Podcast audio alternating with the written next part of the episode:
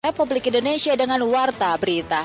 Tanpa mengurangi suasana Natal dan Tahun Baru, pandemi COVID-19 belum berakhir, tetapi dengan munculnya varian baru, tentu kita harus tetap bersama dan waspada, serta tidak boleh abe dan lalai. Kita ini memiliki potensi, memiliki pasar digital yang berkembang dan sangat besar sekali.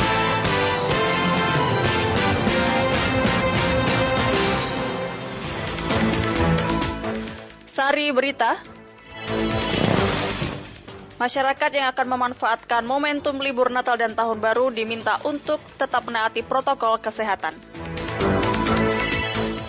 Presiden Joko Widodo menyebut Indonesia memiliki potensi pasar digital yang sangat besar. Inilah warta berita selengkapnya pendengar untuk edisi hari Rabu tanggal 15 Desember 2021. Saya Andila Kusumadan dan saya Angelika Manda.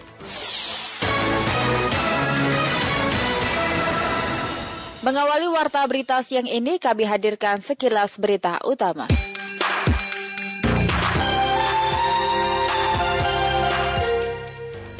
Badan Meteorologi dan Klimatologi Geofisika atau BMKG menyebutkan terdapat 291 aktivitas gempa susulan yang terjadi di Laut Flores hingga Rabu 15 Desember 2021 pukul 9 waktu Indonesia Barat. Dirjen Perimbangan Keuangan Kementerian Keuangan Astera Primando Brimanto Bakti menyampaikan bahwa Undang-Undang Hubungan Keuangan antara pemerintah pusat dan daerah atau UU HKPD merupakan suatu bentuk reformasi total mengenai tata kelola transfer dana dari pemerintah pusat ke pemerintah daerah. Perusahaan farmasi asal Amerika Serikat Pfizer mengklaim pil anti-COVID-19 yang mereka kembangkan 90% efektif mencegah rawat inap dan kematian pada pasien berisiko tinggi.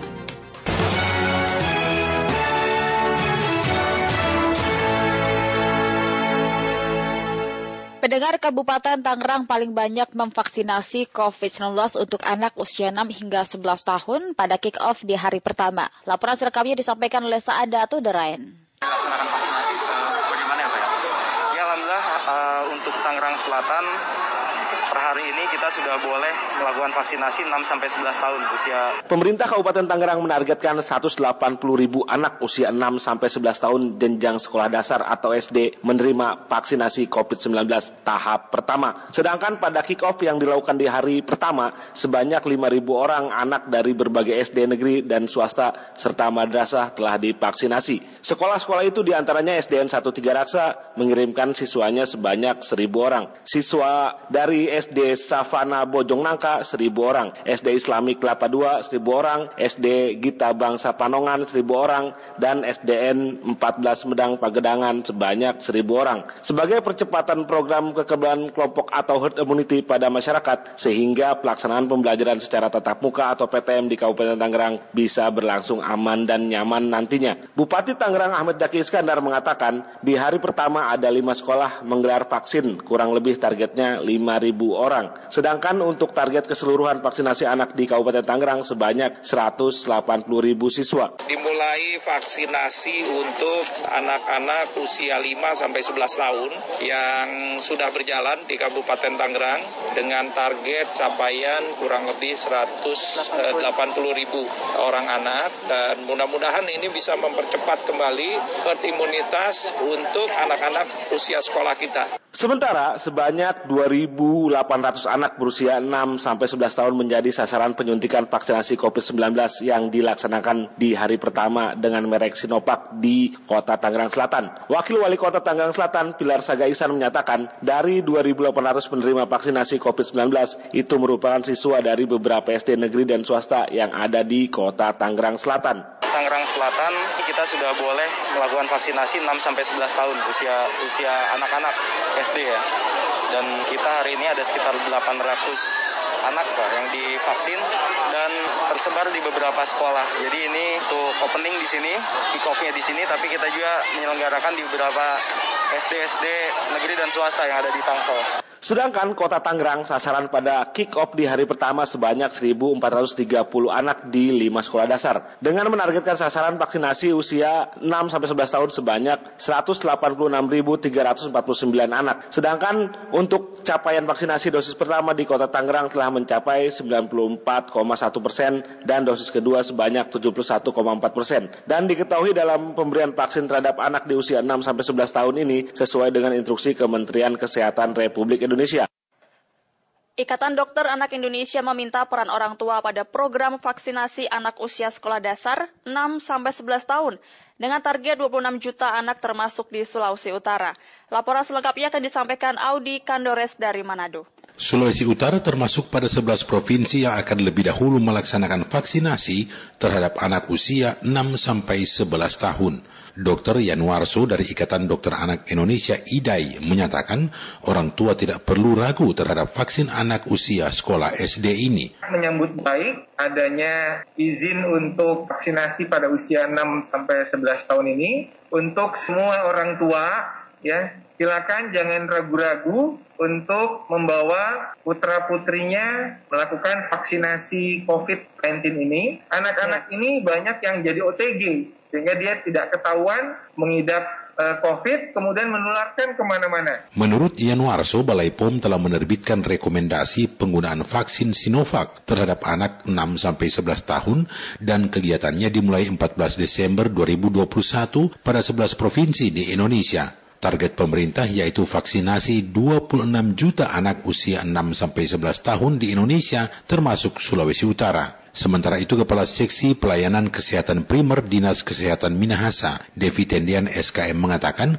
22 puskesmas siap menjadi vaksinator anak 6 sampai 11 tahun. Tim vaksinator semua setiap puskesmas siap, oh. sudah siap, siap melaksanakan karena tim setiap di, di, di setiap masing-masing puskesmas itu tim memang sudah disiapkan pada saat awalnya orang mulai mengadakan vaksinasi ini yang tahun berjalan ini. Jadi semua tim sudah siap sampai dinas kesehatan dinas kesehatan, orang siap tiga tim untuk turun membantu di mana yang masih kurang itu yang kami dampingi. Merujuk penggunaan vaksin Sinovac untuk anak 6-11 tahun, Devi Tendian SKM menjamin selama vaksinasi anak di Minahasa tidak ada kasus yang mencemaskan. Selama selama di, di Minahasa itu selama kami mengadakan vaksin di 270 desa itu aman-aman saja untuk Sinovac, tidak ada kipi, tidak ada ada keluhan ringan iya, biasa. biasa itu. Dinas Kesehatan Minahasa akan berkoordinasi dengan kepala sekolah karena vaksin anak usia SD tersebut akan dilaksanakan di persekolahan. Audi Kandores melaporkan. Pendengar masyarakat yang akan memanfaatkan momentum libur Natal dan Tahun Baru diminta untuk tetap mentaati protokol kesehatan di tengah bayang-bayang hadirnya varian baru virus COVID-19. Laporan selengkapnya disampaikan oleh Rosihan Anwar untuk Anda. Dengan mengikuti kebijakan pemerintah, kita sesungguhnya juga telah berkontribusi untuk menjaga landainya pandemi bahkan Meski pemerintah masih melaporkan belum adanya varian Omikron yang masuk ke Indonesia, namun Ormas Islam Muhammadiyah meminta agar semua pihak tidak lengah. Ketua Umum Pimpinan Pusat Muhammadiyah, Profesor Haidar Nasir menyebutkan, di tengah suasana menyambut libur Natal dan Tahun Baru, masyarakat diharapkan tidak terlalu euforia karena pandemi masih belum berakhir. Kewaspadaan dan kedisiplinan terhadap protokol kesehatan sangat dibutuhkan, terutama menghadapi bayang-bayang kehadiran varian Omikron. Tanpa mengurangi suasana Natal dan Tahun Baru, pandemi COVID-19 belum berakhir, meskipun trennya landai, tetapi dengan munculnya varian baru, tentu kita harus tetap bersama dan waspada, serta tidak boleh abe dan lalai. Haidar Nasir juga mengingatkan agar momentum akhir tahun dijadikan wahana kontemplasi bagi seluruh masyarakat untuk semakin mendekatkan diri kepada Tuhan Yang Maha Kuasa agar pandemi dapat segera berakhir. Jadikan momentum Nataru sebagai ikhtiar kita untuk selalu dekat kepada Allah, Tuhan Yang Maha Esa, membangun relasi kemanusiaan yang menebar sikap peduli, empati, sekaligus juga kebersamaan antar kita. Kemanusiaan, keselamatan jiwa, dan kepentingan hajat hidup orang banyak harus menjadi prioritas kita di dalam kehidupan.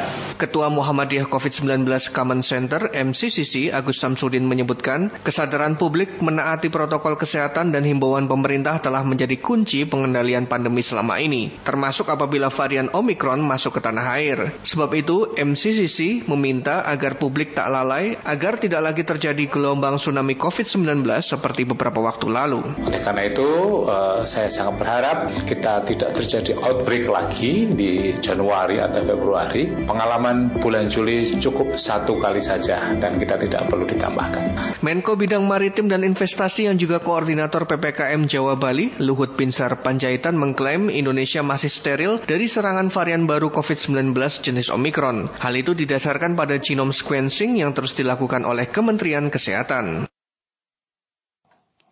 Gubernur Sumatera Utara Edi Rahmayadi akan memprioritaskan pembangunan pertanian pada tahun anggaran 2022 untuk meningkatkan perekonomian, karena sektor pertanian dinilai mampu bertahan di tengah terpuruknya ekonomi global saat pandemi COVID-19. Berikut laporan Indra Widyastuti dari Medan. Pangan ini yang akan kita perkuat. Tetap kita ke arah Pemerintah Provinsi Sumatera Utara akan memprioritaskan sejumlah pembangunan pada tahun anggaran 2022 mendatang untuk meningkatkan perekonomian. Salah satunya adalah sektor pertanian. Gubernur Sumatera Utara Edi Rahmayadi menargetkan pertumbuhan ekonomi di Sumatera Utara tahun depan mencapai 4 hingga 5 persen. Untuk mencapai target tersebut, pembangunan pertanian atau pangan masih menjadi prioritas pemerintah provinsi dalam hal meningkatkan perekonomian masyarakat. Sebab menurutnya sektor ini dinilai mampu bertahan di tengah terpuruknya ekonomi ekonomi global saat pandemi COVID-19 melanda dunia. Tetap kita ke arah pertanian. Pertanian ini menjadikan sasaran utama kita karena dalam rangka pangan. Kita tahu sendiri COVID ini menguras semua rencana-rencana kita. Tapi kita alihkan ini semua ke pangan nanti dengan kondisi pilotnya ekonomi, baik global maupun sampai ke tingkat provinsi. Ini adalah butuh pangan. Pangan ini yang akan kita perkuat. Pada tahun anggaran 2022, Provinsi Sumatera Utara telah menerima alokasi anggaran pendapatan dan belanja negara dari pemerintah pusat dengan total 59,7 triliun rupiah. Dari total alokasi APBN tersebut sebesar 39,8 triliun rupiah dialokasikan untuk dana transfer ke daerah dan dana desa. Pelaksana tugas Kepala Kanwil Ditjen Perbendaraan Sumatera Utara Syafriadi mengatakan, untuk anggaran transfer ke daerah dan dana desa sebesar 39,8 triliun tersebut dialokasikan kepada 34 pemerintah daerah yakni pemerintah provinsi, dan pemerintah kabupaten kota dengan rincian antara lain untuk dana bagi hasil sebesar 1,8 triliun rupiah. Alokasi APBN untuk Sumatera Utara ini menurut Safriadi menjadi yang terbesar di Pulau Sumatera. Provinsi Sumatera Utara mendapatkan alokasi anggaran sebesar total 59,77 triliun. Besaran alokasi tersebut tertinggi se-Sumatera atau sebesar 20,49 persen dari total masuknya APBN di Sumatera. Alokasi dalam bentuk TKDD sebesar 39,85 triliun Bapak. Gubernur Sumatera Utara Edi Rahmayadi juga meminta seluruh pemerintah kabupaten kota untuk turut aktif dalam hal peningkatan kesejahteraan masyarakat melalui bantuan hingga pembinaan UMKM, mengelola secara maksimal sumber daya perekonomian yang potensial di daerah masing-masing seperti pertanian, peternakan, perkebunan, perikanan hingga pariwisata. Indra Widyastuti melaporkan.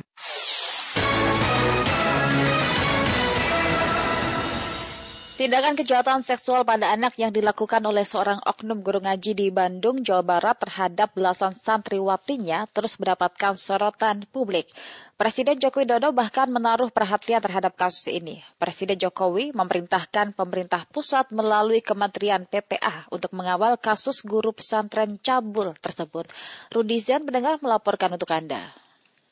Tindakan kejahatan seksual pada anak yang dilakukan oleh seorang oknum guru ngaji di Bandung, Jawa Barat terhadap belasan santriwatinya terus mendapat sorotan publik. Bahkan Presiden Joko Widodo menaruh perhatian terhadap kasus ini. Presiden Jokowi memerintahkan Kementerian PPA untuk mengawal kasus tersebut. Menurut Deputi Perlindungan Khusus Anak Kementerian Pemberdayaan Perempuan dan Perlindungan Anak atau P3A, Nahar, pihaknya akan terus pastikan proses hukum apakah sudah menegaskan ketentuan-ketentuan yang terkait dengan ancaman hukuman yang tepat yang harus disesuaikan dengan dampak yang kemudian diterima oleh korban itu perlu kita pastikan. Pertama adalah bahwa ketika proses pemeriksaan, proses penyidikan P21-nya apakah sudah menegaskan ketentuan-ketentuan yang terkait dengan ancaman hukuman yang tepat. Nah, tentu ancaman hukuman yang tepat ini harus juga disesuaikan dengan dampak yang uh, kemudian di, diterima oleh uh, para korban gitu. Pakar hukum pidana Profesor Suparji Ahmad menilai perbuatan pelaku telah memenuhi unsur kekerasan seksual terhadap anak lebih dari satu orang, sehingga sangat memenuhi unsur untuk diberikan pidana mati. Hal itu sekaligus menjadi komitmen bersama untuk melawan terhadap kejahatan kekerasan seksual pada anak. Melihat perbuatannya tadi, bahwa dia telah memenuhi unsur, yaitu melakukan kekerasan seksual kepada anak lebih dari satu orang. Ya, dia melakukan sampai 12 orang. Sehingga ini unsur tidak untuk dipidana mati. Menurut saya ini akan lebih eh, efektif, akan lebih menjerakan gitu, dan sebagai sebuah komitmen bersama untuk melawan ya terhadap kejahatan kekerasan seksual terhadap anak-anak. Kasus kejahatan seksual yang diduga dilakukan oleh pelaku HW saat ini masuk dalam proses pengadilan negeri Kota Bandung dan masih dalam pemeriksaan saksi-saksi. Rudi Zain, Pro 3 RRI.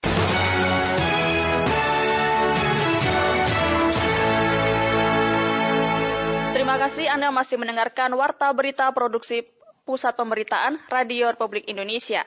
Presiden Joko Widodo menyebut Indonesia memiliki potensi pasar digital yang sangat besar, sehingga harus terus dikembangkan agar tak diambil oleh pihak lain. Hal itu disampaikan Jokowi dalam acara peresmian gerakan akselerasi generasi digital pada hari ini. Laporan akan disampaikan oleh Rini Hairani. Dan dengan mengucap Bismillahirrahmanirrahim, gerakan akselerasi Generasi digital pada pagi hari ini saya nyatakan dimulai dan dibuka. Penekanan tombol secara virtual menjadi penanda diresmikannya gerakan akselerasi generasi digital yang dilakukan Presiden Joko Widodo hari ini. Dalam kesempatan itu, Kepala Negara menyebut pandemi COVID-19 semakin mendorong percepatan pertumbuhan pasar digital di Indonesia. Ia pun mengingatkan potensi pasar digital Indonesia ini harus terus dikembangkan sehingga tidak diambil pihak lain kita ini memiliki potensi, memiliki pasar digital yang berkembang dan sangat besar sekali. 2019 sebesar 40 billion US dollar.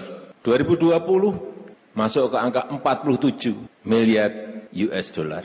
2021 naik 49 persen menjadi 70 kurang lebih 70 billion US dollar dan diperkirakan nanti di tahun 2025 146 billion US dollar. Ini dipercepat karena adanya pandemi. Jadi pertumbuhan pasar digital kita, kita semua memang harus mau tidak mau harus siap. Sementara itu Menteri BUMN Erick Thohir menyebut tekanan yang dialami dunia dari sisi perubahan supply chains, makin terbukanya globalisasi pasar dan disrupsi ekonomi menuntut Indonesia membuat ekosistem baru. Oleh karena itulah salah satu langkah yang ditempuh untuk membangun ekosistem baru tersebut yakni melalui pendanaan untuk para entrepreneur perusahaan rintisan atau startup seperti Merah Putih Fund. Ekosistem yang harus kita menangkan. Salah satunya kalau dari BUMN kita membuat Merah Putih Fund. Merah Putih Fund ini kita akan fokus kepada unicorn, calon unicorn. Dan kita juga berharap semua swasta masuk ke ekosistem dari pendanaan ini. Presiden Joko Widodo menambahkan Indonesia memiliki potensi besar melahirkan banyak perusahaan rintisan atau startup berstatus unicorn ke depannya. Saat ini di Indonesia ada 2.319 startup, sedangkan Indonesia sendiri memiliki satu dekatron, tujuh unicorn dan juga banyak sekali unicorn atau unicorn selanjutnya yang nanti akan terus didorong agar naik menjadi Pendengar Balai Besar POM di Denpasar mengintensifkan pengawasan pangan di Pulau Bali menjelang Natal 2021 dan Tahun Baru 2022. Hasil pengawasan sementara di dua kabupaten masih tergolong aman. Dari RRI Denpasar, Dayu Friska melaporkan selengkapnya kita melakukan inwas namanya integrasi pengawasan pangan dimulai dari awal Desember nanti sampai awal Januari yang setiap minggu kita laporkan juga ke pusat Pengawasan, pangan dan makanan akan diperketat menjelang libur Natal 2021 dan Tahun Baru 2022. Pengawasan akan dilakukan pemerintah Provinsi Bali dan Balai Besar Pengawas Obat dan Makanan BB POM di Denpasar di sejumlah pusat perdagangan dan pelaku usaha mikro lainnya.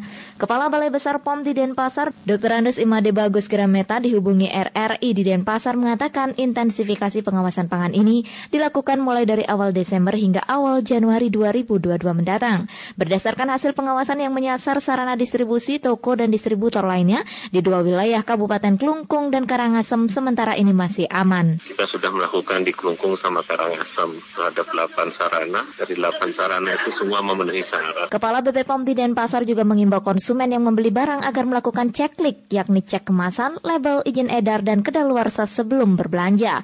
Sementara itu, Kabit Perdagangan Dalam Negeri di Sperindak Bali, Nyoman Tangka Sugiyarto mengatakan selain kemasan pangan, menjelang Nataru ini pemerintah juga memastikan ketersediaan stok bahan pokok dalam kondisi aman. Untuk menghadapi akhir tahun ini yang jelas uh, tidak usahlah menimbun yang seperti itulah. Artinya yang jelas kan ketersediaan terkait dengan barang-barang kita berilah seperlunya. Jadi jadi kita tidak usah panik seperti ah nanti kemungkinan harganya akan naik dan lain sebagainya. Tidak usah seperti yang jelas stok kita untuk di Bali untuk bau semua bapok itu aman. Berdasarkan data dari Disperindak Bali tercatat ketersediaan bapok masih mampu mencukupi hingga dua setengah bulan ke depan untuk beras, namun untuk stok gula pasir masih tersedia 5.475 ton dari kebutuhan 4.175 ton per bulan sehingga mampu mencukupi 1,3 bulan ke depan. Demikian pula minyak goreng tersedia 4.700 ton dari 3.583 ton kebutuhan per bulan. Tersedia stok sampai 1,3 bulan ke depan. Reporter RRI Denpasar, Dave Friska melaporkan. Beralih ke informasi olahraga pendengar, perkenalkan logo baru bagi gerakan bola basket Indonesia bertajuk The Next Big Thing. Pada rangkaian HUT Perbasi ke-70, bagi Menteri BUMN Erick Thohir menjadi momentum penting bagi langkah maju Perbasi. Berikut laporan Niar Abdul Litiloli selengkapnya.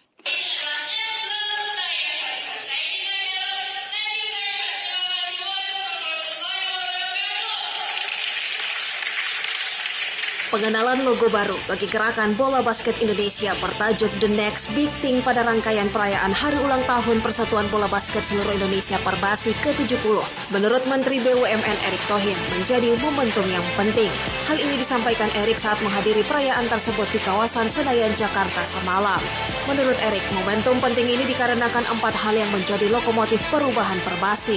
Dua di antaranya terkait event internasional dan fasilitas infrastruktur baru untuk menunjang pelaksanaan turnamen tersebut. Satu punya event yang besar, yaitu FIBA Asia tahun depan dan FIBA World Cup tahun depannya lagi. Jadi ini ibarat lokomotif itu besar. Yang kedua, infrastruktur yang akan mulai dibangun buat kejuaraan basket dunia. Tapi kan infrastruktur ini bukan hanya buat basket, tetapi seperti yang diarahkan Bapak Presiden adalah tempat multi event. Jadi bisa basket, bisa non basket, olahraga lain seperti voli, bulu tangkis, ya yang selama ini juga bulu tangkis kan mainnya di Istora, sudah cukup tua, dan juga ini menjadi fasilitas buat konser. Melalui kesempatan yang sama, Ketua Umum PP Perbasi Dani Kosasi menyebut, hal menarik lainnya dari langkah besar perubahan Perbasi adalah mengembalikan roh kompetisi dari grassroots, di mana para pengurus Perbasi di daerah akan diberi kesempatan menggelar kompetisi lokal, seperti awal terbentuknya Perbasi dulu. Kita akan uh, mengadakan satu gerakan bola basket bergerak ke seluruh Indonesia. Semua pengcap yang aktif bisa membuat kompetisi tiga bulan langsung support itu dana bekerjasama dengan Mandiri. Itu harapan saya karena kalau hanya ke Jumnas, kita terbang dari Papua ke Jakarta satu kali game bisa sampai habis sekitar 30-40 juta. Satu game 34, kalau jauh lagi bisa 50 juta per game. Kalau kita ke Jogja, misalnya dari Surabaya ke Banyuwangi, habis satu game bisa 25 juta. Melalui kegiatan pengenalan logo baru, Perbasi juga mengumumkan terkait rencana pemberian beasiswa bagi para atlet, pelatih, dan wasit untuk menimba ilmu di luar negeri. Dari Jakarta, Nira Puliteloli, Pro 3 RRI.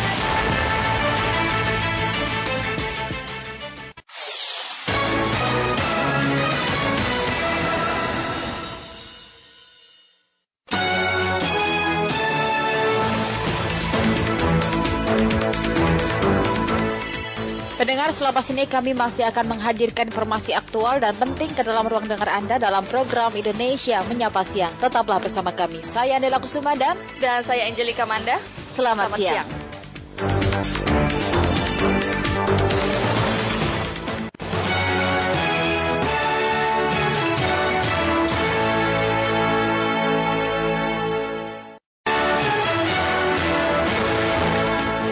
Dari Medan Merdeka Barat 4 dan 5 Jakarta, inilah Radio Republik Indonesia dengan Warta Berita.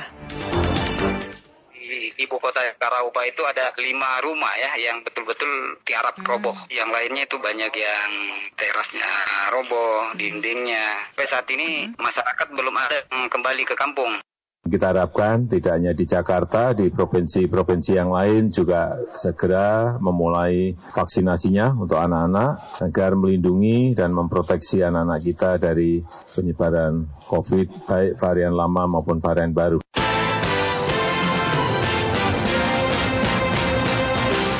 Sari berita, warga di Kabupaten Selayar, Sulawesi Selatan masih mengalami trauma pasca gempa berkekuatan 7,4 skala Richter yang berpusat di perairan Flores. Presiden Joko Widodo berharap vaksinasi anak usia 6 hingga 11 tahun dapat melindungi anak dari penyebaran COVID-19.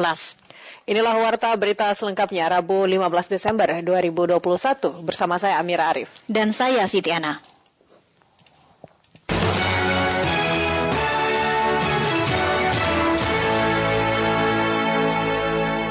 Mengawali warta berita malam ini kami sampaikan sekilas berita utama.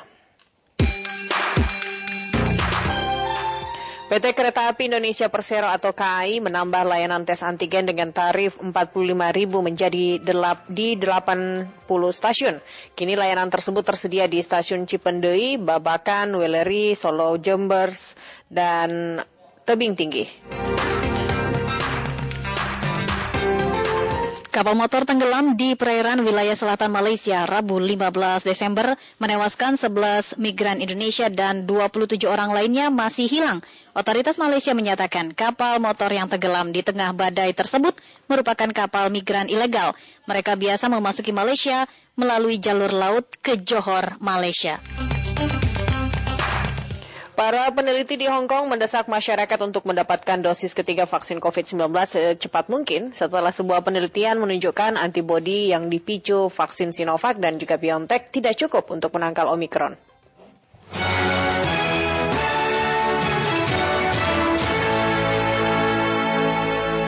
Pendengar ratusan rumah warga di Kabupaten Selayar, Sulawesi Selatan mengalami rusak berat pasca dihantam gempa berkekuatan 7,4 skala Richter yang berpusat di perairan Flores pada Selasa, 14 Desember kemarin. Hingga kini, warga masih trauma dan tidak dapat kembali ke rumah mereka. Laporan selengkapnya bersama Charlina Kandi.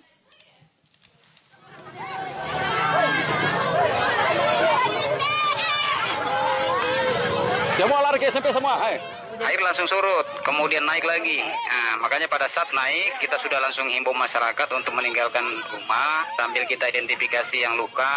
Ini mau apa betul? Warga di Kecamatan Pasilambena, Kepulauan Selayar, seketika panik tatkala merasakan gempa kuat melanda pemukiman mereka. Kepanikan tersebut semakin menjadi tatkala warga diimbau menuju dataran tinggi melihat kondisi air laut yang tiba-tiba surut. Seperti diungkapkan Kepala Subsektor Pasilambena Polres Selayar, Ibda Hasan saat dihubungi RRI via telepon WhatsApp. Air langsung surut surut, kemudian naik lagi. Makanya pada saat naik, kita sudah langsung himbau masyarakat untuk meninggalkan rumah sambil kita identifikasi yang luka, rumah-rumah yang roboh. Di desa di ibu kota Karaupa itu ada lima rumah ya yang betul-betul tiarap hmm. roboh. Yang lainnya itu banyak yang terasnya roboh, dindingnya. Sampai saat ini hmm. masyarakat belum ada yang kembali ke kampung. Ibda Hasan juga bercerita saat gempa pertama terjadi, ia bersama beberapa unsur pemerintahan desa sedang mengadakan rapat di kantor desa Garaupa, tiba-tiba mengalami guncangan hebat. Kami saat itu sementara rapat ya, dan pada saat itu langsung gempa kan, jadi semua peserta rapat itu langsung ya seperti oleng kan, langsung tertumpuk di satu sisi kantor, kemudian balik lagi, kemudian balik lagi, jadi pengaruh goncangan. Jadi oleng, jadi tumpah dari kantor itu dengan oleng, kondisi oleng. Ya, karena kita sempat terangkat. Jadi kalau kita duduk itu langsung kayak terlempar ke sisi kantor, kemudian balik lagi. Hmm. Sampai ada kita berhamburan keluar untuk menyelamatkan diri. Cerita serupa juga dialami salah satu tenaga pengajar di SMP Negeri 19 Pasilambena, Muhammad Akbar, yang sempat terjebak di dalam gedung sekolah saat gempa terjadi pas jam 11 kejadian, tiba-tiba bunyi kayak pesawat. Jadi saya belum sempat lari keluar, masih di dalam ruangan. Jadi pas begitu datang guncangan, merayat mas saya keluar. Kemudian lari lagi masuk, ambil laptop, baru saya lari keluar. Pas saya lari keluar, pegan mitian musola, baru rubui pagar di luar.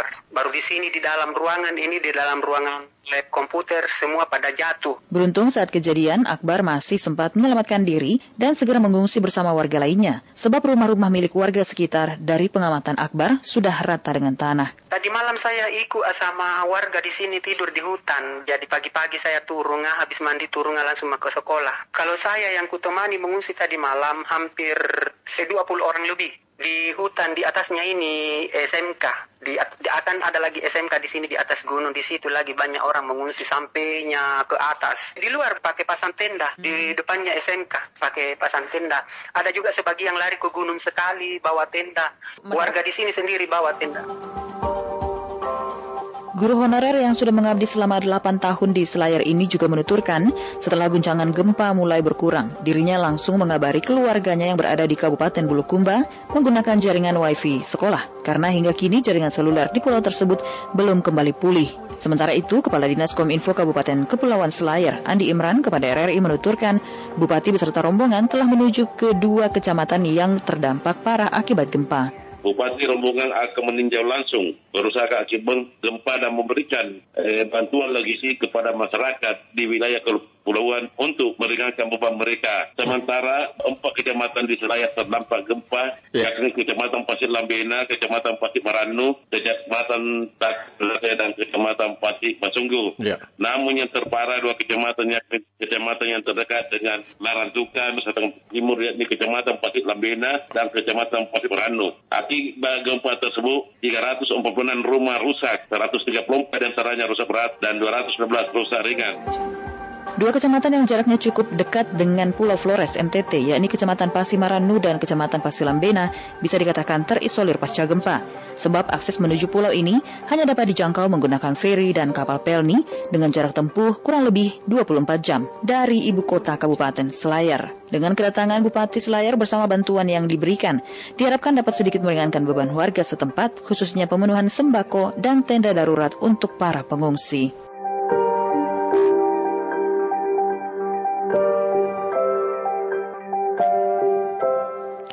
Ribuan warga lereng Merapi di terutama di tiga desa masing-masing desa Panggang, Balerante dan juga desa Sidorejo, Kecamatan Kemalang kini mengandalkan air hujan atau beli untuk kebutuhan sehari-hari dampak kerusakan pipa air di Bebeng Sleman akibat bencana alam.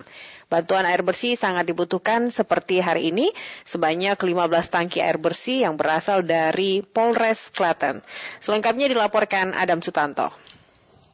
Eh, rencananya ke depan ini insya Allah Bapak Kapolres Klaten juga merencanakan ini akan menjadi agenda rutin beliau. Dampak kerusakan pipa air bersih dari Bebeng di Kabupaten Sleman kini masih dirasakan ribuan warga Klaten yang menikmati air bersih tersebut seperti berasal dari Desa Panggang, Balirante, dan Desa Sidorejo di Kecamatan Kemalang, Kabupaten Klaten. Ribuan jiwa dari ketiga, ketiga desa tersebut kini hanya mengandalkan dari tandon air hujan, membeli air atau ada bahan bantuan air bersih. Bantuan air bersih sangat diharapkan bagi warga yang berada di lereng Merapi di Kecamatan Kemalang tersebut. Seperti diakui seorang warga desa Panggang, Warsono, yang mengaku mengalami kesulitan air bersih sejak awal Desember lalu saat pipa dari Bebeng Sleman mengalami kerusakan akibat bencana. Ini sejak pusat Bebeng, sumber Bebeng niku kejugrukan niku terus rusak saat niki sekitar ini. Tada hujan mengandalkan tada hujan. Nggih sangat membantu. Terima kasih sekali, sangat dibantu. Hal yang hampir sama juga diungkapkan Mbah Pariem yang mengaku untuk sementara menggunakan air hujan. Karena mendapatkan bantuan air bersih, ia pun merasa gembira dan berterima kasih dan dapat digunakan untuk memasak. Anu ngirake banyu niku. Oh, ngoten nek niki diparingi kaya sing sae nggih. masak. Nggih napa ngoten. Sementara kepala logistik Polres Klaten AKP Sriati kepada wartawan mengatakan untuk membantu meringankan beban warga desa Panggang tersebut, Polres Klaten memberikan bantuan air bersih sebanyak 15 tangki. Harapannya dapat meringankan beban warga terkait dengan air bersih tersebut. Untuk hari ini Bapak Kapolres kurang lebih mengirimkan bantuan sebanyak 15 tangki air bersih ditampung di penampungan dahulu yang nanti akan disalurkan ke rumah-rumah warga untuk dimanfaatkan kebutuhan sehari-hari dari warga Desa Panggang, Kecamatan Kemalang ini. Ditambahkan bantuan air bersih itu nantinya akan menjadi agenda Kapolres Klaten di wilayah tersebut. Seperti diinformasikan warga desa Panggang yang mengalami persoalan air bersih yang selama ini memanfaatkan sumber air bebeng sebanyak 700 jiwa. Belum termasuk wilayah lain yakni desa Balirante dan desa Siderjo. RR Surakarta Dam Sutanto melaporkan.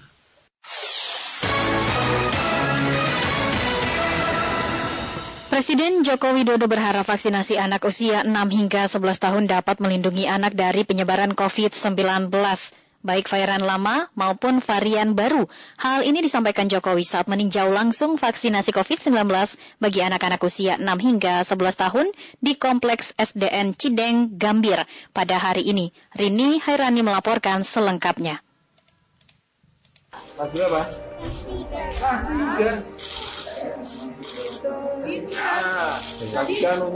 Dengan raut wajah cemas dan takut, sejumlah anak-anak yang berusia 6 hingga 11 tahun melakukan vaksinasi COVID-19. Vaksinasi itu dilakukan di Kompleks SD Negeri Cideng, Gambir, Jakarta Pusat, Rabu 15 Desember 2021 dan dilihat langsung Presiden Joko Widodo. Pada kesempatan itu, Kepala Negara mengapresiasi dimulainya vaksinasi COVID-19 bagi anak-anak dan berharap kegiatan serupa dapat dilakukan bukan hanya di Jakarta saja, namun juga di provinsi lainnya. Jokowi berharap dengan vaksinasi ini maka anak-anak dapat terlindungi dari penyebaran COVID-19 baik varian lama maupun varian baru. Saya sangat menghargai telah dimulainya vaksinasi untuk anak ini dan kita harapkan tidak hanya di Jakarta, di provinsi-provinsi yang lain juga segera memulai vaksinasinya untuk anak-anak agar melindungi dan memproteksi anak-anak kita dari penyebaran COVID baik varian lama maupun varian baru. Dan semuanya juga harus disesuaikan karena anak kita juga harus mendapatkan imunisasi, mendapatkan vaksinasi untuk penyakit-penyakit yang lain sehingga pengaturan ini ada di Kementerian Kesehatan, ada di Dinas Kesehatan daerah dan kita harapkan semuanya bisa segera kita selesaikan. Sementara itu Vina, salah seorang guru di SD Negeri Cideng Gambir ini berharap vaksinasi anak dapat dilakukan secara menyeluruh sehingga anak-anak dapat bersekolah seperti semula semula.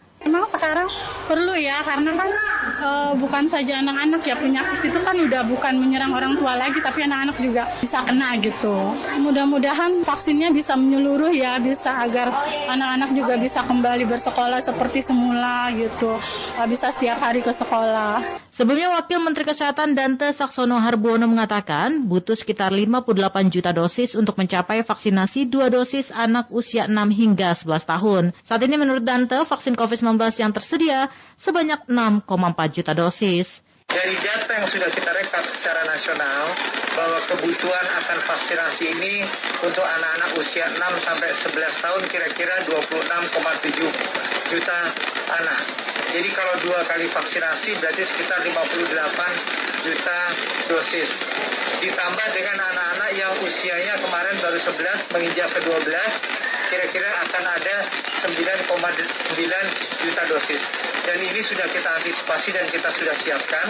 Sekarang kita sudah tersedia 6,4 juta dosis vaksin. Pada kesempatan tersebut, sedikitnya 200 siswa SD berusia 6 hingga 11 tahun divaksin menggunakan Sinovac. Mereka terdiri atas siswa SD Negeri Cideng 04 sebanyak 44 orang, SD Negeri Cideng 13 sebanyak 59 orang, SD Negeri Cideng 09 sebanyak 44 orang, dan SD Negeri Cideng 10 sebanyak 53 orang.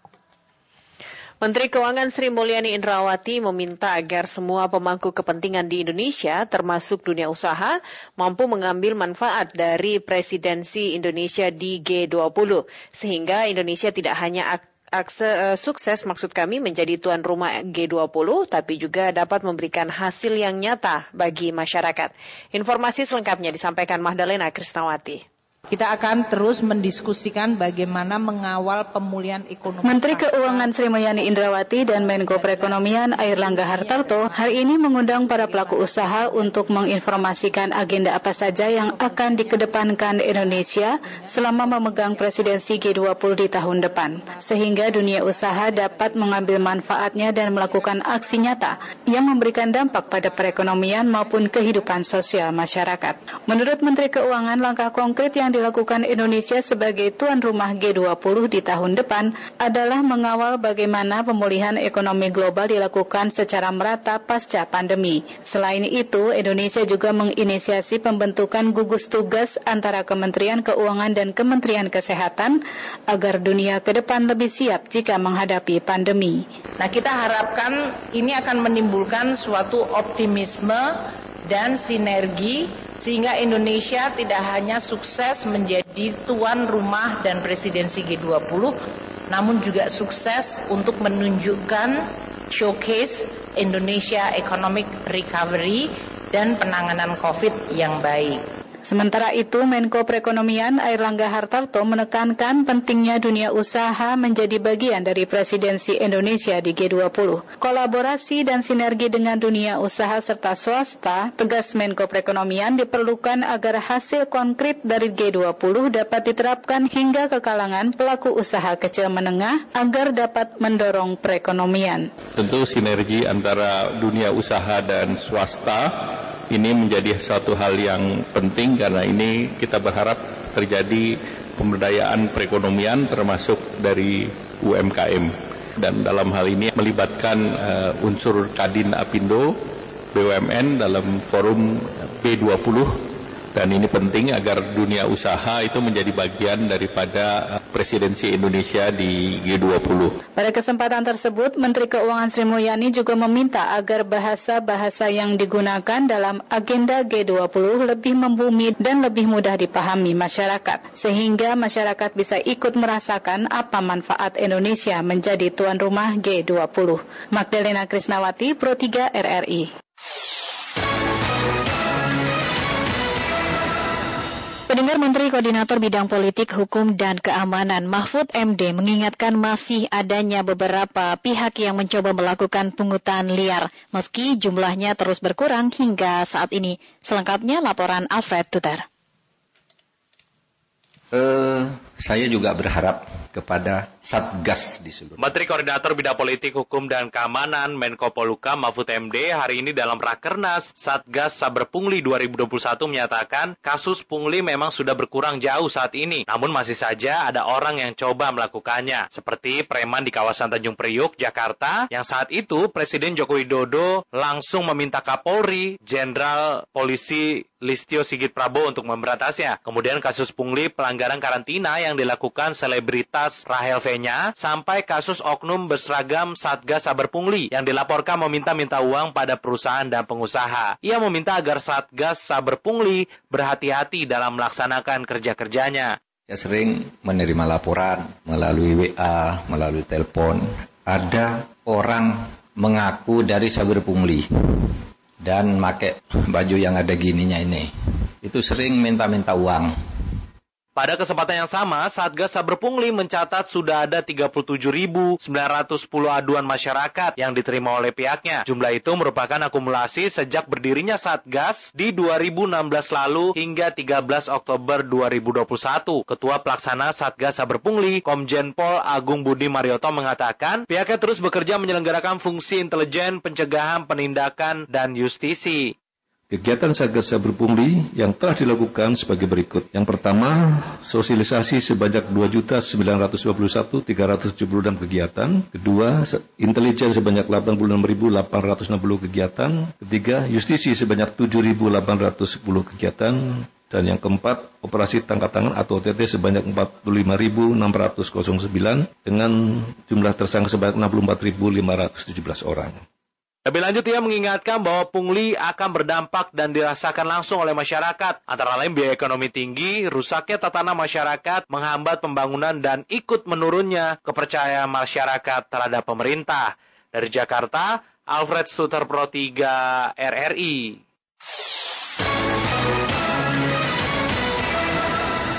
Terima kasih pendengar Anda masih mendengarkan Warta Berita Produksi Program 3 Radio Republik Indonesia. Timnas Indonesia akan berjumpa Vietnam pada laga ketiga penyisihan grup B pada gelaran Piala AFF 2020 malam ini. Meski saat ini Indonesia memuncaki klasemen sementara grup B, namun hasil pertandingan ini dapat menentukan nasib Indonesia, Vietnam, dan Malaysia karena ketiganya memiliki poin yang sama dan hanya terpisah pada produktivitas gol. Informasi tersebut selengkapnya kami hadirkan dalam sesi laporan khusus Pro 3 bersama Niar Abdul Litroli. Laporan khusus. Laporan khusus.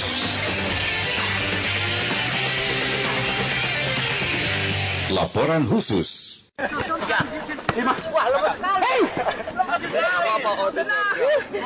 Indonesia akan menghadapi Vietnam nanti malam pada lanjutan penyisihan grup B Piala AFF 2020 yang akan berlangsung di Bisan Stadium Singapura pada pukul 19.30 waktu Indonesia Barat. Pelatih kepala tim nasional sepak bola Indonesia Sintayong dalam keterangannya secara virtual menjelaskan tidak ada yang dapat memprediksi hasil pertandingan pada menit keberapakah keadaan dapat berubah.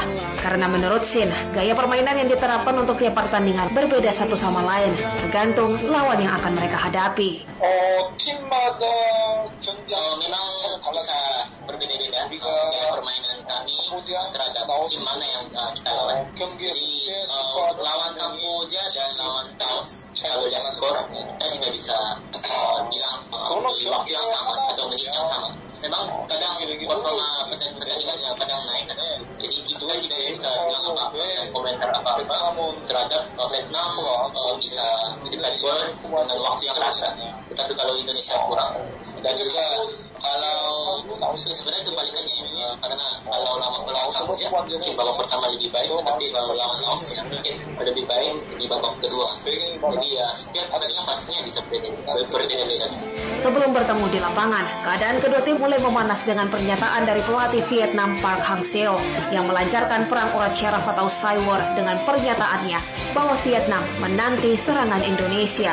Pernyataan Park ini diucapkan usai menanggapi pemberitaan media Indonesia yang menyebut pasukan Merah Putih lebih produktif dari Vietnam. Sinta yang pun memilih menanggapi pernyataan Park Hang Seo dengan santai pelatih Vietnam uh, Pak Hang Seo uh, bicara seperti itu. Uh, kalau kalau misalnya dia uh, uh, tetapi tiap hasil pertandingan itu berbeda-beda Uh, jadi mungkin kita bisa lihat uh, apakah pelatih Vietnam uh, melihatnya benar atau tidak uh, hasil. Menghadapi laga bersama Vietnam, para penggawa Garuda terus mempersiapkan diri dengan berlatih keras. Salah satunya Ezra Walian. Pemain Persib Bandung ini menyatakan Vietnam memang tim yang tangguh. Namun dia dan rekannya juga akan menunjukkan bahwa mereka telah siap bertemu tim berjuluk The Golden Star tersebut. Yeah, yesterday I watched them as well. Saya menyaksikan pertandingan mereka bersama Malaysia kemarin. Mereka adalah tim yang sangat bagus. Tapi kami juga dapat menunjukkan bahwa tim kami siap menghadapi mereka. Dan kita akan lihat hasilnya nanti. Saya pikir hal terpenting saat ini adalah kita dapat menang dan mampu melewati semifinal. Saya pikir jika kami menang, itu adalah langkah yang besar. Itulah yang terpenting saat ini. Dan saya harap saya dapat membantu tim mewujudkannya. Meski dukungan bagi timnas terus mengalir, namun tidak sedikit pihak yang ragu akan hasil baik bagi timnas Garuda. Pengamat sepak bola Alif Syafiar Masud menyatakan, Indonesia tidak punya alasan untuk takut kepada Vietnam. Penilaian Alif ini berdasarkan materi pemain dan persiapan yang dilakukan oleh pasukan Merah Putih. Justru saya optimis karena materi pemain kita saat ini bagus dan pelatih kita juga cukup mumpuni. Ini berbeda dengan ketika timnas di era Simon McManamy misalnya di era terakhir ya. Saya sangat-sangat tidak optimis ketika itu karena beberapa catatan lah materi pemain yang dipanggil persiapan dan lain-lain. Artinya banyak faktor yang saya tidak bisa berkata optimis. Tetapi saat ini tim ini sangat baik, performanya juga sangat baik dan semua serius artinya pemerintah dalam hal ini Kemenpora juga serius, eh, PSSI Federasi juga serius. Dan kita lihat bahwa uh, lawan Laos dan apa uh, Kamboja produktivitas gol kita lebih tinggi kalau hitungan-hitungan dari matematika uh, Vietnam dengan Laos dan apa dengan mereka kita lebih unggul. Kemudian grafik permainan timnas kita juga meningkat. Uh, itu yang saya pikir kenapa kita mesti tidak optimis melawan Vietnam. Berdasarkan catatan RRI dari berbagai sumber, Indonesia dan Vietnam telah bertemu sebanyak 9 kali selama perhelatan Piala AFF. Dari 9 kali pertemuan, skuad Garuda memiliki rekor yang lebih baik yaitu tiga kali menang, lima kali imbang, dan sekali kalah. Saat ini Indonesia menguasai klasemen sementara grup B di gelaran Piala AFF 2020 dengan 6 poin dari dua kali berlaga. Sementara Vietnam menempati posisi kedua dengan poin sama namun kalah produktivitas gol. Apa pun hasil pertandingan nanti malam tidak hanya berpengaruh bagi kedua tim, namun juga bagi penghuni peringkat ketiga Malaysia yang memiliki poin sama dengan Indonesia dan Vietnam. Dari Jakarta, Mira Beliteloli, Pro 3 RRI.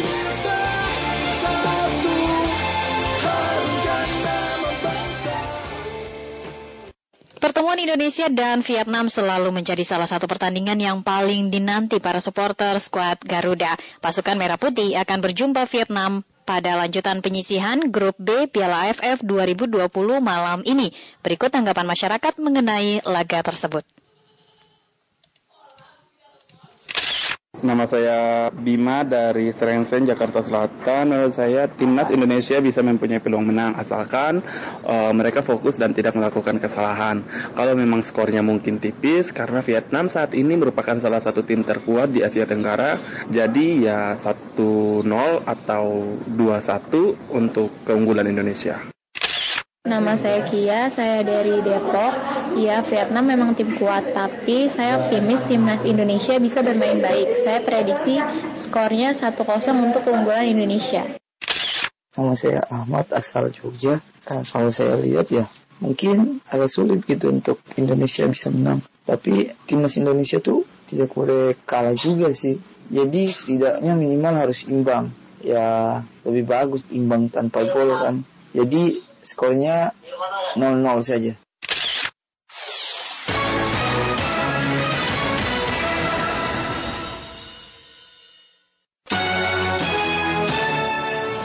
Demikian Warta Berita Pro 3 Radio Republik Indonesia. Tetaplah bersama kami pendengar untuk menyimak informasi aktual lain dalam Indonesia Menyapa Malam. Saya Amir Arif. Dan saya Siti Ana.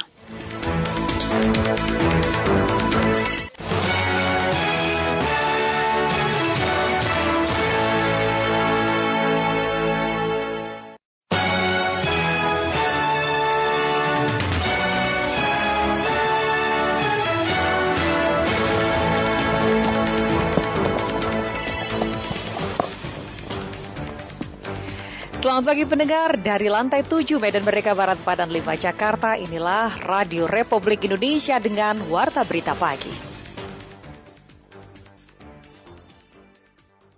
MOU antara lain mencakup kerjasama keamanan maritim, sumber daya kelautan, konservasi dalam pengelolaan perikanan, serta keselamatan dan navigasi maritim. Kita sudah menjalankan lebih dari 10 ribu whole genome sequencing sampai saat ini belum terdeteksi adanya Omicron.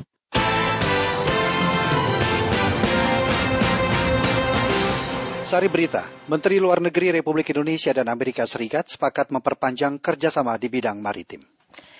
Kementerian Kesehatan kembali menjamin mutasi terbaru virus COVID-19 yakni Omikron belum masuk ke Indonesia meskipun telah mematikan korban di Inggris. Inilah warta berita selengkapnya Rabu 15 Desember 2021 bersama saya Risti Rustarto. Dan saya Rudi Zain.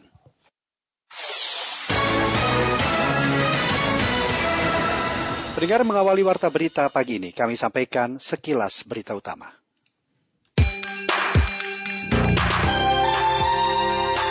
Ya, pendengar dan juga Rudi, informasi pertama berasal dari Menteri Agama Yakut Holil Kumas yang memperketat pemberian izin pendirian boarding school atau sekolah berbasis asrama dan sejenisnya.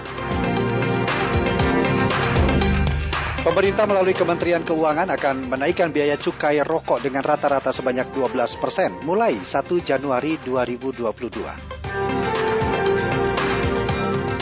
Menteri Kesehatan Budi Gunadi Sadikin mengatakan vaksinasi penguat COVID-19 untuk kelompok lansia akan diberikan secara gratis mulai Januari tahun depan.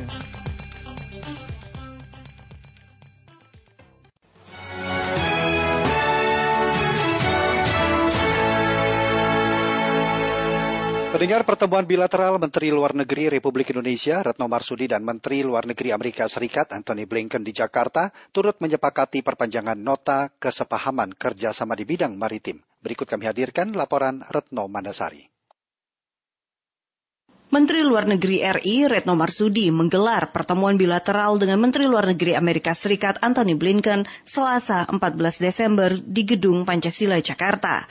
Pertemuan kedua secara fisik oleh kedua Menteri Luar Negeri tersebut turut menyepakati perpanjangan nota kesepahaman kerjasama di bidang maritim antara pemerintah RI dan Amerika Serikat. Dalam pernyataan pers yang digelar di Gedung Pancasila, Menteri Luar Negeri RI menyebut perpanjangan nota kesepahaman kerjasama maritim tersebut akan berlaku hingga 2026. MOU antara lain mencakup kerjasama keamanan maritim, sumber daya kelautan, konservasi dalam pengelolaan perikanan, serta keselamatan dan navigasi maritim.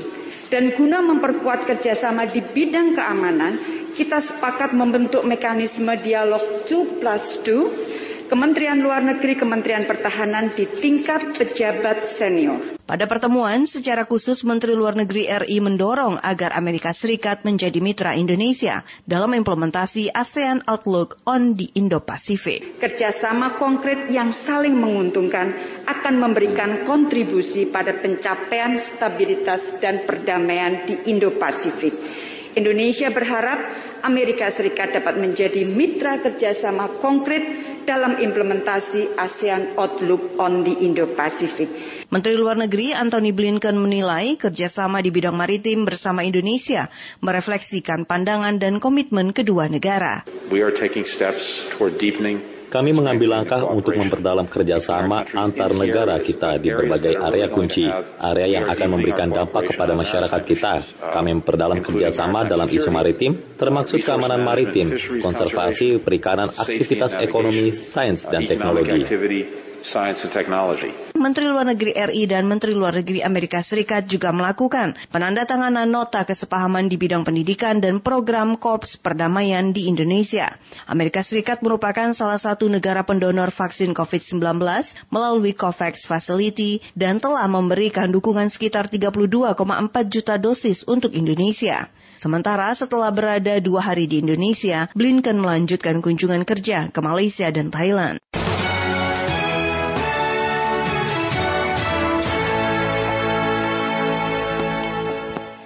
Kementerian Kesehatan kembali menjamin hingga saat ini belum ada mutasi terbaru virus COVID-19 yakni Omikron yang masuk ke Indonesia. Meskipun kemarin Perdana Menteri Inggris Boris Johnson mengkonfirmasi satu orang meninggal karena Omikron. Alfred Suter melaporkan selengkapnya. Tapi belum ada yang terdeteksi apa varian Omikron di Indonesia. Wakil Menteri Kesehatan Wamenkes dan Tes Saksono Harbuono dalam keterangan resminya memastikan hingga kini mutasi terbaru virus COVID-19 yakni Omikron belum terdeteksi ada di Indonesia. Jaminan itu kata dia datang dari hasil pemeriksaan sampel pasien COVID-19 melalui laboratorium Whole Genome Sequencing WGS atau pengurutan genom. Adapun jumlah total pemeriksaan saat ini menurutnya sudah melebihi 10.000 sampel. Sekarang kita sudah menjalankan lebih dari 10.000 whole genome sequencing. Sampai saat ini belum terdeteksi adanya uh, Omicron. Sementara itu warga yang mendengar informasi ini merespon beragam. Ada yang khawatir, ada pula yang berharap virus COVID-19 dengan varian ini tidak masuk Indonesia dan meminta pengawasan di pintu-pintu masuk Indonesia dilakukan dengan ketat. Saya sebagai warga negara ya jujur aja ya khawatir dengan varian Omikron ini. Eh, semoga benar-benar nggak masuk ke Indonesia. Soalnya negara lain kayaknya naik lagi deh kasusnya.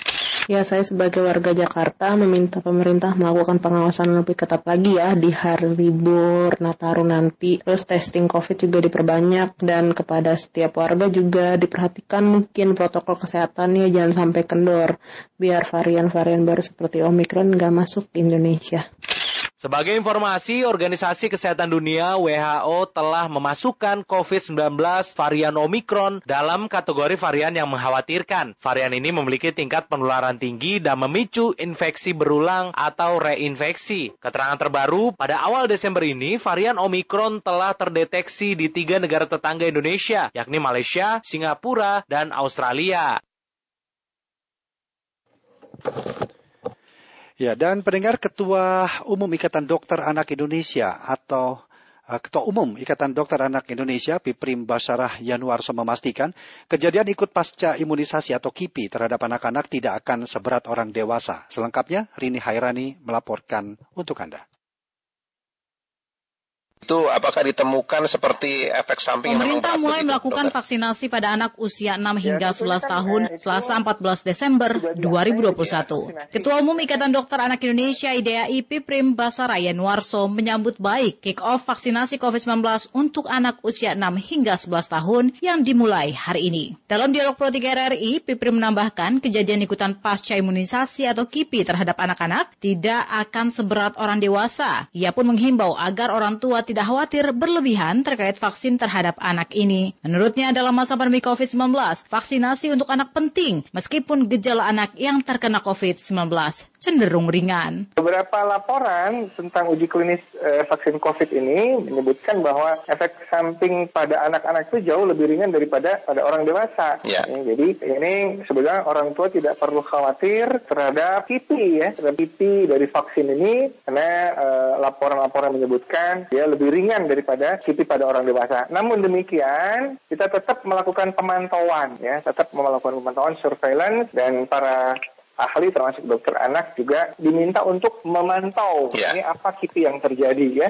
Sebelumnya Menteri Kesehatan Budi Gunadi Sadikin menjelaskan terkait pemberian vaksin COVID-19 untuk anak usia 6 hingga 12 tahun akan diberikan sebanyak dua dosis dengan selisih waktu sebulan. Untuk suntikan anak ini diberikan vaksinnya Sinovac sesuai dengan persetujuan BPOM untuk rentang usia 6 sampai 11 tahun. Rejimnya sama seperti vaksinasi Sinovac lainnya. Jadi diberikan selisih waktunya itu satu bulan atau empat minggu. Dosisnya pun sama. Kemudian juga perlu dijelaskan siapa yang boleh melakukan vaksinasi anak ini adalah kabupaten kota yang sudah memenuhi kriteria 70% vaksinasi pertama dan 60% vaksinasi untuk lansia. Untuk diketahui penyuntikan vaksin dilakukan dengan intramuskular atau injeksi ke dalam otot tubuh di bagian lengan atas dengan dosis 0,5 mili. Vaksinasi diberikan sebanyak dua kali dengan interval minimal 28 hari. Sebelum pelaksanaan vaksinasi untuk anak juga dilakukan screening dengan menggunakan format standar oleh petugas vaksinasi. Tempat pelaksanaan vaksinasi pun dapat dilakukan di puskesmas, rumah sakit, atau fasilitas pelayanan kesehatan lainnya, termasuk pos pelayanan vaksinasi di sekolah maupun satuan pendidikan lainnya. Dan vaksinasi anak usia 6 hingga 11 tahun telah dimulai sejak 14 Oktober 2021 kemarin dengan menggunakan merek Sinovac. Menurut juru bicara Satgas Penanganan COVID-19, Wiko Adhisa Smito, vaksinasi anak tidak menjadi prasyarat pembelajaran tatap muka. Safira Amalia melaporkan informasinya.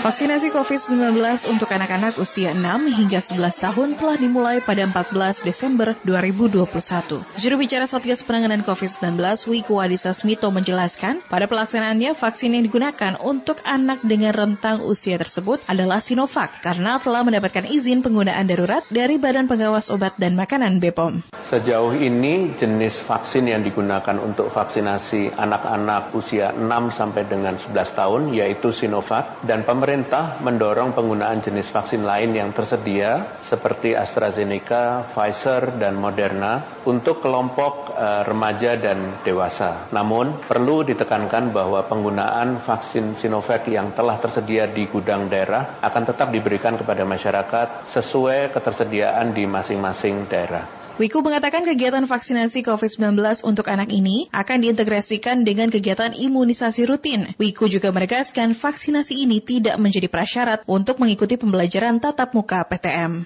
Dalam pelaksanaannya, peserta vaksinasi diwajibkan untuk membawa kartu keluarga atau dokumen yang mencantumkan NIK anak. Adapun kegiatan vaksinasi ini akan diintegrasikan dengan kegiatan imunisasi rutin harap untuk menjadi catatan bahwa vaksinasi COVID-19 pada anak tidak menjadi prasyarat dari pembelajaran tatap muka. Sebelumnya, Wakil Menteri Kesehatan Dante Saxono Harbuono menyebutkan penyuntikan vaksin COVID-19 untuk anak usia 6 hingga 11 tahun mulai dilakukan di 115 kabupaten kota di 19 provinsi dengan dua kriteria. Dengan kriteria bahwa kota dan kabupaten tersebut sudah mencapai 70 persen vaksinasi dosis pertama dan 60 persen untuk vaksinasi lansia. Dari dua kriteria tersebut, vaksinasi untuk anak-anak bisa dimulai. Dari data yang sudah kita rekap secara nasional, bahwa kebutuhan akan vaksinasi ini untuk anak-anak usia 6 sampai 11 tahun kira-kira 26,7 juta anak. Jadi kalau dua kali vaksinasi berarti sekitar 58 juta dosis. Pelaksanaan vaksinasi untuk anak sesuai dengan instruksi Presiden untuk segera melaksanakan vaksinasi pada anak usia 6 hingga 11 tahun. Pelaksanaan vaksinasi ini akan dilakukan secara bertahap. Tahap pertama, vaksinasi akan dilaksanakan di provinsi dan kabupaten kota dengan kriteria cakupan vaksinasi dosis 1 di atas 70 persen dan cakupan vaksinasi lansia di atas 60 persen. Sampai saat ini, sebanyak 8,8 juta jiwa dari 106 kabupaten kota dari 11 provinsi yang sudah memenuhi kriteria tersebut. Di antaranya adalah Banten, Yogyakarta, DKI Jakarta, Jawa Barat, Jawa Tengah, Jawa Timur, Kalimantan Timur, Kepulauan Riau, Nusa Tenggara Barat, Sulawesi Utara, dan Bali.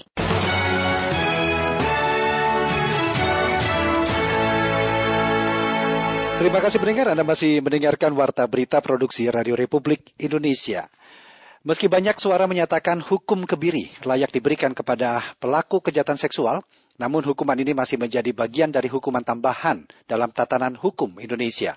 Hal ini berarti hukuman tambahan hanya dapat diberikan kepada pelaku kejahatan jika berdampingan dengan hukum pokok. Informasi tersebut kami hadirkan dalam sesi laporan khusus Pro 3 disampaikan Niar Abdul Itiloli.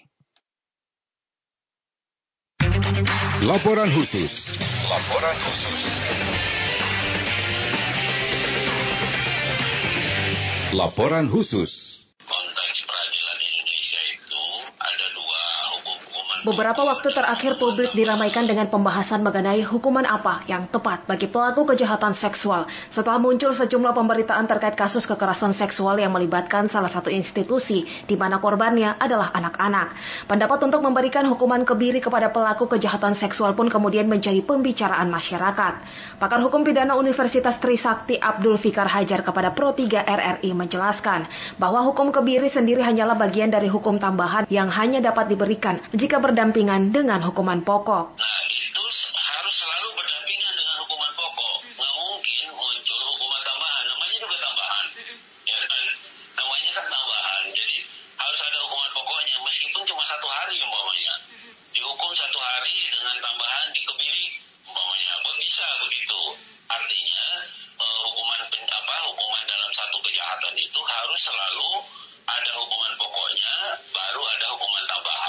Fikar menambahkan hukuman tambahan dapat diberikan jika pelaku kejahatan dianggap telah melakukan tindak pidana yang berlebihan di mata hukum atau menimbulkan keresahan di masyarakat.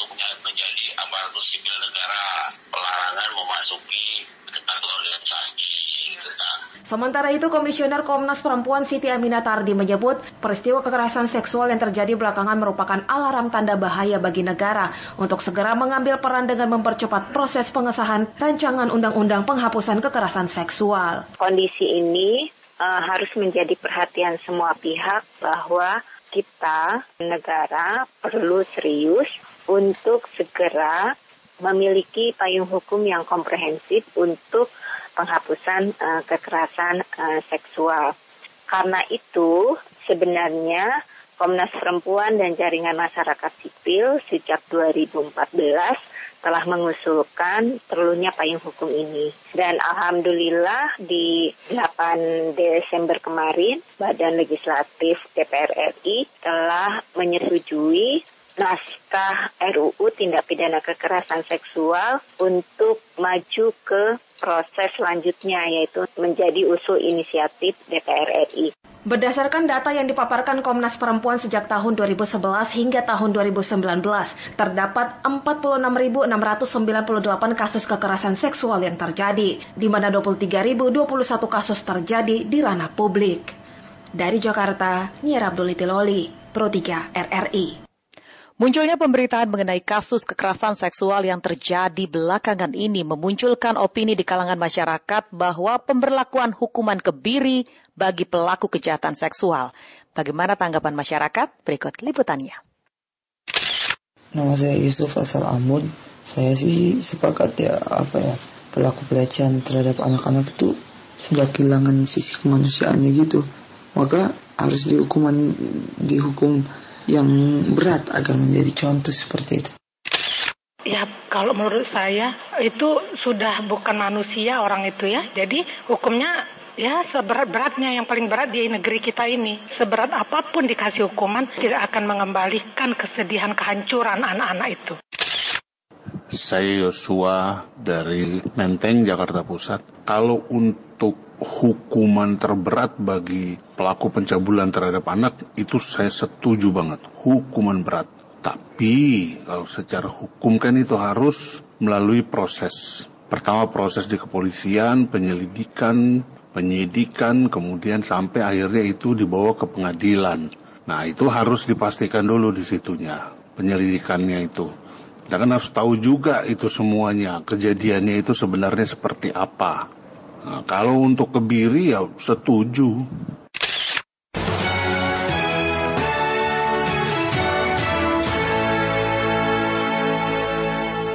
Pendengar komentar Pro 3 RRI pagi ini menyoroti hukuman setimpal bagi pelaku tindakan amoral Heri Wirawan di Bandung, Jawa Barat. Komentar disampaikan editor senior Pro 3 RRI, Widi Kurniawan.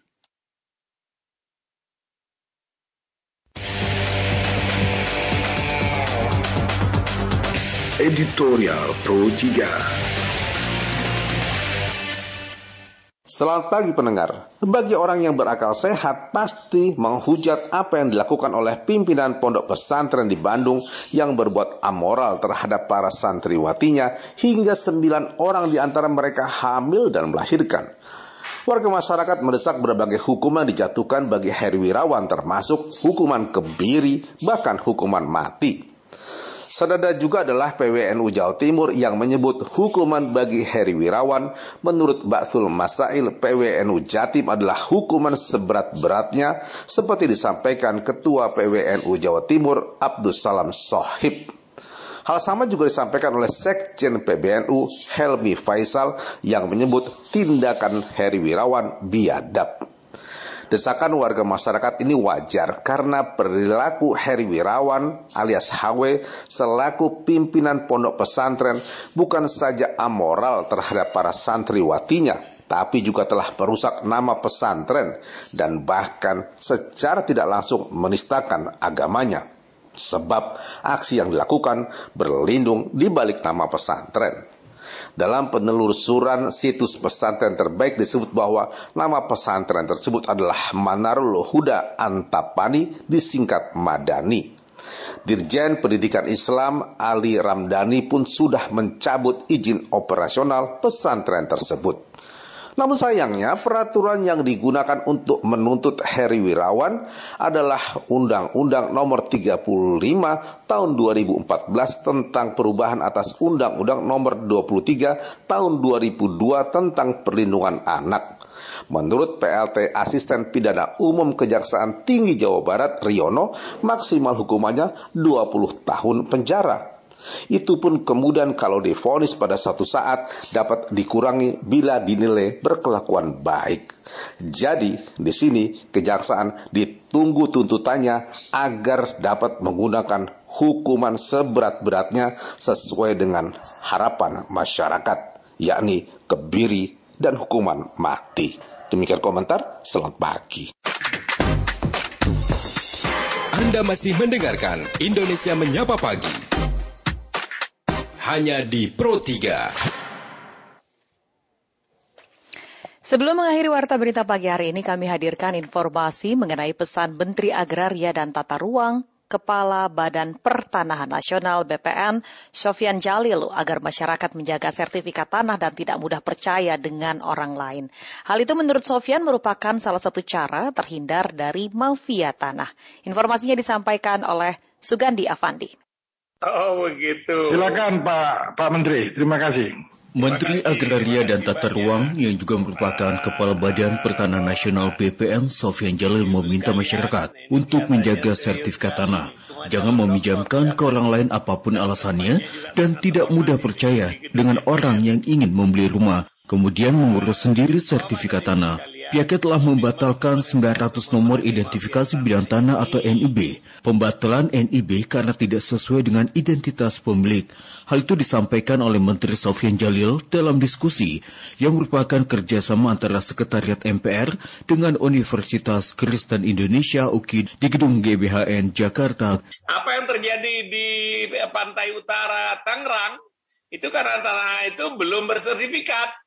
Kemudian ada orang yang kemudian dengan bukti abal-abal itu kerjasama juga dengan kepala desa mengeluarkan surat, ya kan? Kemudian ada girik abal-abal, girik palsu, datang ke BPN minta dikeluarkan NIB, ya kan? Ya NIB itu sebuah prosedur di BPN. Nah, BPN ini karena datang orang mengatakan bahwa ini surat bukti saya, ini surat keterangan dan lain-lain gitu, BPN mengikuti, ngukur, kasih NIB. Ternyata yang di NIB kan nomor orang lain, tanah orang lain. Sementara itu, Wakil Ketua MPR Ahmad Basara menegaskan pemberantasan mafia tanah harus melibatkan lintas sektoral. Kejahatan atas tanah adalah kejahatan berjamaah yang terstruktur, sistematis, dan masif. Sehingga penanganan juga harus dilakukan secara lintas sektoral hingga dan menyeluruh, baik dari tingkat pemerintahan pusat hingga pemerintahan desa, PPAT atau notaris, BPN, penegak hukum, hingga pengadilan. Adapun pakar agraria dari Universitas Kristen Indonesia, Arce Tehipiori mengatakan persoalan tanah ruwet karena melibatkan mafia yang terorganisir. Data kepemilikan tanah yang tidak valid dimanfaatkan oleh mafia tanah. Maka yang perlu dilakukan adalah langkah-langkahnya yaitu keterbukaan. Melalui keterbukaan dan merevisi kembali data-data kepemilikan tanah secara akurat serta membangun sebuah sistem yang terintegrasi tentang pendataan tanah sehingga dapat mencegah terjadinya kesalahan. Berbagai program dari Kementerian ATR untuk mencegah mafia tanah di antaranya menerbitkan sertifikat elektronik, kemudian program Sentuh Tanahku untuk mengecek sendiri tanah, layanan berbentuk elektronik untuk hak tanggungan, untuk pengecekan tanah dan roya. Pendengar demikian warta berita Pro 3 Radio Republik Indonesia. Tetaplah bersama kami untuk menyimak informasi-informasi aktual lainnya dalam program Indonesia Menyapa Pagi. Saya Rudi Zain. Dan saya Risti Rustarto. Selamat pagi.